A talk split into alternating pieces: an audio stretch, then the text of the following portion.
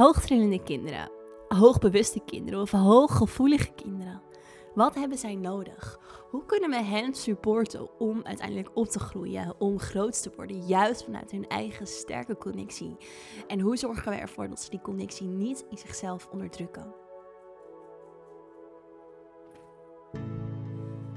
Mijn naam is Sarah Gila, multidimensionality expert en teacher. En ik ga je meenemen in de hele wereld van multidimensionaliteit. Multidimensionaliteit betekent in contact zijn met je higher beings, je oversoul, je avatar, de seed of the soul in jou kunnen activeren, maar ook helemaal embodied zijn in jouw human being. Multidimensionaliteit gaat over alle dimensies en de energiefrequenties die daarin te vinden zijn en waarin jij uiteindelijk ook een zielstil hebt. Kortom, ik neem je mee op een reis door dimensies en alles wat bij jou hoort.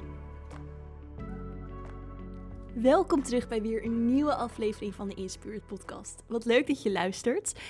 Ik wil het in deze aflevering met je hebben over uh, een veel aangevraagd onderwerp. En dat is het onderwerp van kinderen. Hoogtrillende kinderen, bewuste kinderen, kinderen van een nieuwe tijd. Hoe we het ook allemaal willen noemen.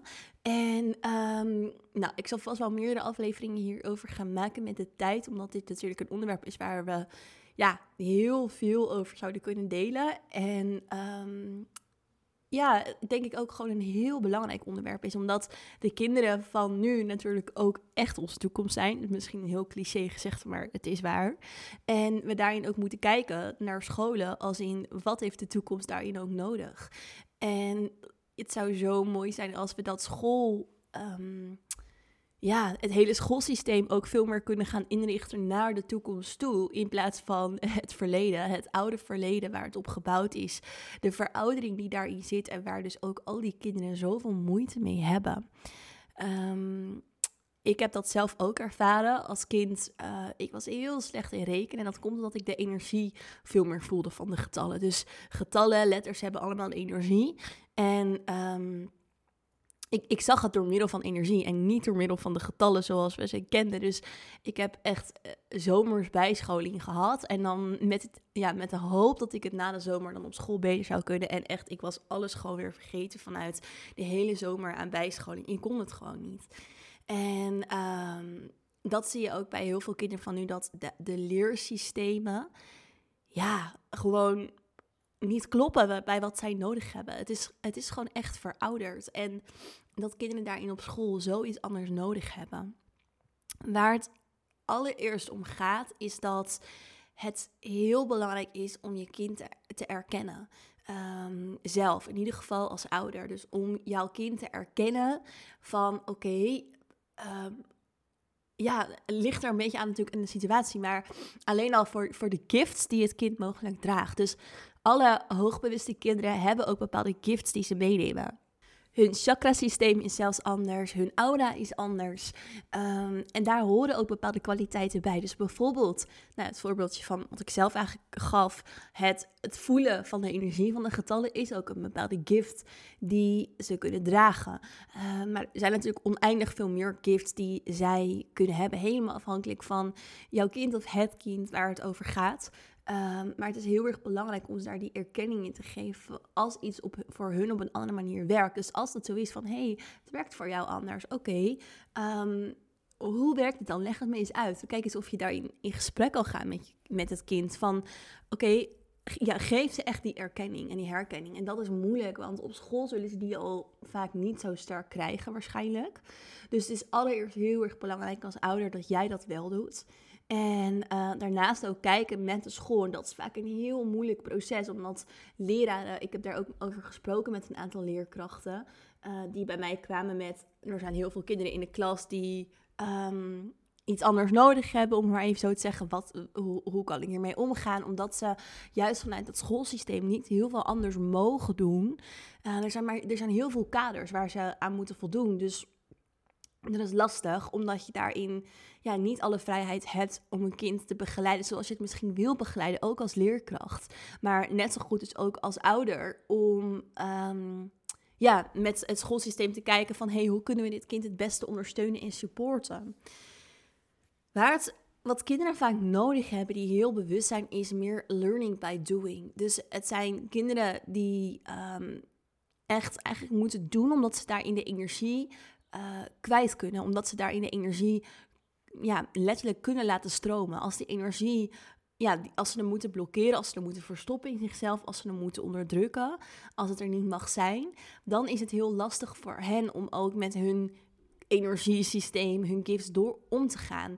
En um, als ze bijvoorbeeld alleen maar kunnen luisteren of als ze alleen maar uit een boekje het moeten leren op een bepaalde manier, dan dan moeten ze het vanuit een ander stukje in hun systeem halen dan eigenlijk hun energetische systeem. Dus het energetische systeem is een systeem wat float, is een systeem wat stroomt.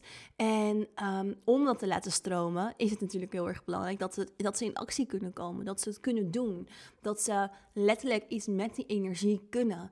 En dat is voor hun heel erg belangrijk. En dat zou je wel kunnen proberen om bijvoorbeeld met een kind na school te doen. Van hey, kan ik dit kind supporten? Ehm, om die energie op een bepaalde manier te laten stromen. Dat kun je alleen al doen door bijvoorbeeld dus meditaties, door um, nou ja, allerlei verschillende um, dingen natuurlijk in de natuur ingaan. Um, en eigenlijk daar die energetische wereld erbij betrekken. Dus dat vraagt natuurlijk ook wat van de ouders om het kind daar heel bewust in mee te nemen. Maar dat is wel heel erg belangrijk. Dus dat, dat stukje erkenning komt daar ook weer in terug. Dat het er mag zijn, dat het er kan zijn. En dat je het kind echt mee kan nemen in um, nou, de energie die voor, die voor hen zo ja, misschien wel bijna normaal is en zichtbaar is en zo sterk voelbaar is, maar er eigenlijk een groot deel van de tijd op school misschien wel helemaal niet kan en mag zijn door hoe het systeem is ingericht. En wat er dan ook vaak gebeurt is dat kinderen ja, zich ervoor gaan schamen, dat ze natuurlijk heel erg onderdrukken in zichzelf en dat is eigenlijk wat je liefst wil voorkomen. Dus dat ze ja, helemaal zichzelf echt kunnen zijn. Vaak kiezen deze kinderen ook bepaalde um, startproblemen uit, om het zo maar te zeggen. Dus het zijn kinderen die een soort moeilijke start uitkiezen in het leven. Omwille van of omtrent bijvoorbeeld de geboorte of andere problemen of fysieke problemen als kind of metalen. Nou ja, dat kan natuurlijk ook weer van alles zijn. Maar daardoor geven ze uiteindelijk, of dat helpt hun om een soort houvast te vinden in hun aardse leven. Dus die problemen houden hun heel erg op aarde. Het klinkt misschien heel gek en tegenstrijdig, maar ze hebben vaak heel veel moeite om in hun lichaam te zijn, om hier op aarde te zijn, om hier in deze wereld te zijn. En door bepaalde problemen of omstandigheden daarin, kunnen ze op een bepaalde manier juist heel erg hier op aarde zijn, omdat ze dan heel erg in die aardse zaken worden getrokken. Dus um, het helpt hun op een bepaalde manier om, om die aardse polariteit ook te ervaren. Een ander stukje waar dat hem in kan zitten is omdat ze het moeilijk vinden om op aarde te zijn. Niet bij elk hoogbewust kind is dat het geval. Dus sommigen weten ook gewoon heel goed, ik ben hiervoor gekomen, ik ga dit doen. Ze weten ook gewoon heel goed hoe ze hun energie in kunnen zetten. Dus sommige kinderen weten juist heel goed eigenlijk hoe ze met die gifts en kwaliteit en energie om kunnen gaan. Zij zij zijn misschien juist wel verder in het stukje hier op aarde willen zijn dan wij, dan onze generaties. Omdat ze gewoon heel duidelijk nog dat remembrance hebben. Oké, ik kom dit hier op aarde doen, ik kom daar en daar vandaan. Dit en dit is wat ik, wat ik kan doen, dit is mijn zielsmissie. Ga ik later in mijn leven volbrengen. En, en daar is dit allemaal een soort voorbereiding op. En, en dat is wat ik te doen heb. Sommige kinderen weten dat nog. Maar anderen die, hebben, dat, die dat stukje niet hebben, uh, en alsnog heel hoogbewust en hooggevoelig zijn, zij kunnen een stukje voelen van, oké, wat doe ik hier op aarde? Ik wil hier niet zijn en uh, ik vind de aarde hard en moeilijk. En dan kiezen ze dus eigenlijk op een bepaalde manier ook vanuit de zielscontract, uh, maar ook ja, door de vrije wil en de keuzes die ze daarin maken. En ook door de connectie tussen hun ziel en hun lichaam, kunnen er problemen ontstaan of naar boven komen, wat eigenlijk een soort afweer is tegen het hier zijn. Dus daarmee geeft het kind eigenlijk aan: ik wil hier helemaal niet zijn. Dit is niet mijn plek, omdat ze ehm, misschien nog heel weinig levens hier op aarde hebben gehad, heel weinig tijdlijnen hebben lopen hier. En daarmee dus um, echt in een stukje verzet zitten ondanks dat ze er niet uit kunnen, dat ze diep van binnen weten dat ze ervoor gekozen hebben, net als iedereen, kunnen ze daarin een stukje verzet eigenlijk uitvoeren tegen de aarde. Want als jouw lichaam bijvoorbeeld niet functioneert, ehm, dan is dat dus niet volledig ja zeggen tegen het leven. Dan is dat niet volledig ja zeggen tegen ik ben hier. En misschien herken je dat ook als ouder wel, een bewuste ouder. Ik zie ook heel veel volwassenen die daar tegenaan lopen. Dat als alles goed zou gaan in jouw leven, dat het ook volledig het ja zeggen is tegen je leven. En soms is dat ook de reden waarom je bepaalde dingen niet los kan laten. Dat je ja, bepaalde uh, overlevingsmechanismes niet loslaat, omdat ze te maken hebben met het stukje: oké, maar dan moet ik ja zeggen tegen het leven hier. Als ik dit loslaat, dan sta ik zo eigenlijk in het leven. Dan is mijn leven op een bepaalde manier dus eigenlijk heel fijn. En dat je dat bijna niet wilt, omdat dat voelt als een soort verraad naar je eigen ziel. Ehm, en dat kan dus ook voor die kinderen zo zijn. Um, tegelijkertijd kan het voor deze kinderen, voor hen al super helder zijn dat ze hier niet alleen maar um, zijn met een stukje ego, een identiteit en een lichaam. En dat het veel verder gaat dan dat. Dus dat ze al een veel sterker zielsbewustzijn hebben. Dat hun zielsbewustzijn eigenlijk al veel meer aanstaat. En dat het dus ook heel erg belangrijk is om ze daarin erkenning te geven. Tegelijkertijd heeft hun ziel dus ook heel erg nodig dat dat stukje er kan zijn. Dus dat het niet in de wereld om hun heen alleen maar om ego en identiteit en het fysieke en materiële gaat. Maar dat ze daar ook de ziel heel erg in terugvoelen en uh, kunnen ervaren. Dus dat kun je ook doen om jouw kind of het kind te supporten.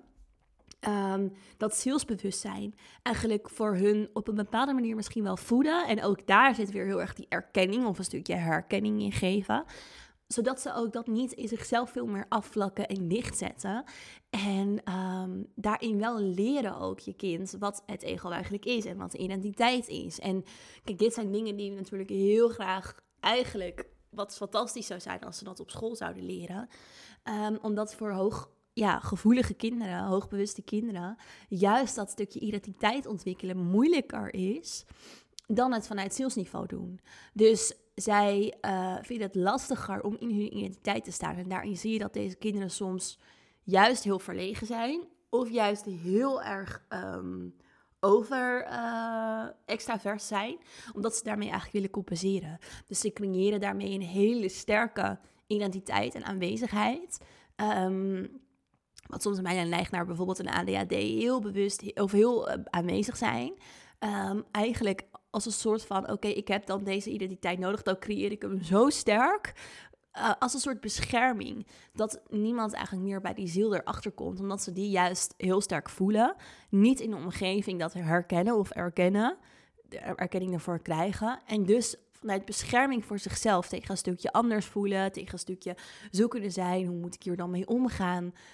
Um, ja, dus een hele sterke identiteit creëren. En anderen die juist heel verlegen zijn, die voelen het eigenlijk vaak juist heel erg vanuit de ziel al. En, en, en hebben heel veel weerstand om die identiteit te creëren. Maar die hebben ze natuurlijk wel nodig. Zeker op school met andere kinderen. Um, en en in, in, de wereld. Uh, het draait ook op een bepaalde manier om identiteit, om, om wie we zijn.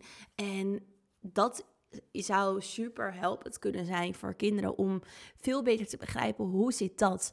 En dus eigenlijk ook hè, de multidimensionaliteit van ons bestaan, de multidimensionaliteit van de beings die we, die we zijn. Want ook kinderen hebben vaak juist heel sterk contact met hun higher being, met hun hogere zelf.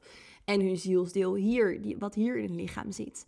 En um, daarin um, ja, is het juist heel erg belangrijk dat ze die erkenning krijgen. Omdat bij het human being hier dus dat stukje identiteit hoort. En dus ook leren, oké, ik ben hier gekomen als ziel, ik ben human. Hoe werkt dat nou eigenlijk? En hoe kan ik op een bepaalde manier de divine human zijn die ik ben? Um, ja, dat is wel echt een hele, hele belangrijke.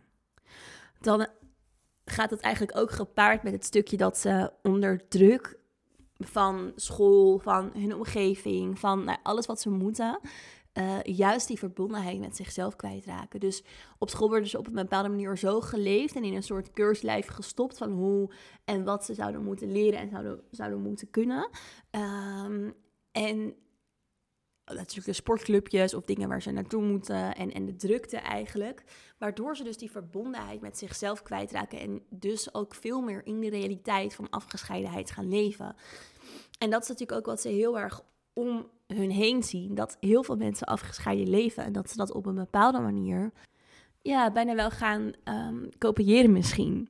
Dus ik denk de boodschap in deze eerste podcast hierover is vooral geef je kind echt die erkenning daarin. Weet dat hun hele energiesysteem, het chakrasysteem anders is. We hebben ook te maken met indigo, rainbow, crystal kindjes. Die dus echt een heel ander nou ja, systeem hebben waarin hun chakras sowieso veel geactiveerder zijn. En um, ja, als je, je merkt dat het kind dus eigenlijk op een bepaalde manier vasthoudt aan de startproblemen of problemen hun helpen verbinden met het aardse. Kijk of je het kind daarin kan supporten op een andere manier. Dus in het hier op aarde zijn, in het stukje bijna wel bijbrengen. Er is er ziel, maar we zijn ook human. En het human heeft een identiteit. En wat is dat nou? En hoe werkt dat dan? Ehm, en, en, en wat zegt de ziel eigenlijk? En de ziel wil hier zijn. En de ziel heeft hier een missie. En dat je ze dat al een beetje bij kan brengen. Um, dat zal al heel erg helpend zijn ik ga kijken of ik hier, of er ligt een idee om hier misschien ook ooit een, een, cursus in te maken. Uh, omdat ik het heel belangrijk vind dat we kinderen hierin supporten. En uh, ik zal er zeker ook nog meer afleveringen over opnemen die nog meer de diepte erover ingaan. Maar um, ja, ik hoop dat dit al een eerste stukje is voor jullie om mee aan de slag te gaan. Als je misschien merkt van, hé, hey, ik wil mijn kind heel erg supporten. Of mijn neefje of mijn nichtje. Of um, wie dan ook. Maar ehm, ja, dit, dit is een, een hele belangrijke eerste stap. En ik denk dat, dat, dat dit een opening is naar, naar zoveel meer hoe we kinderen hierin nog kunnen supporten. Zeker ook als ze bijvoorbeeld van alles zien, als ze ook heel paranormaal openstaan. Um, daar zal ik zeker ook nog, uh, nog dieper op ingaan. Alright, dankjewel voor het luisteren naar deze aflevering. Ik wil je vragen om, als je dat nog niet gedaan hebt, een rating te geven aan de podcast. Bovenaan bij Spotify heb je een x aantal sterren die je kan geven. Dat zou onwijs helpen, zodat we wat hoger in het algoritme komen en meer mensen de podcast kunnen vinden. En het zou ook super zijn als je naar Apple Podcast wil gaan en daar een rating wil geven aan de Ook als je misschien altijd via Spotify luistert, zou het echt super tof zijn. Want bij Apple Podcast kan je er ook een heel klein zinnetje over schrijven. Uh, hoe je de podcast ervaart. Dus dat is ook voor mij heel leuk om te lezen. Uh, ja, dat zou echt super zijn. Dus dank je wel daarvoor alvast. En natuurlijk dank je wel voor het luisteren. En dan heel graag weer terug in de volgende aflevering in Spirit.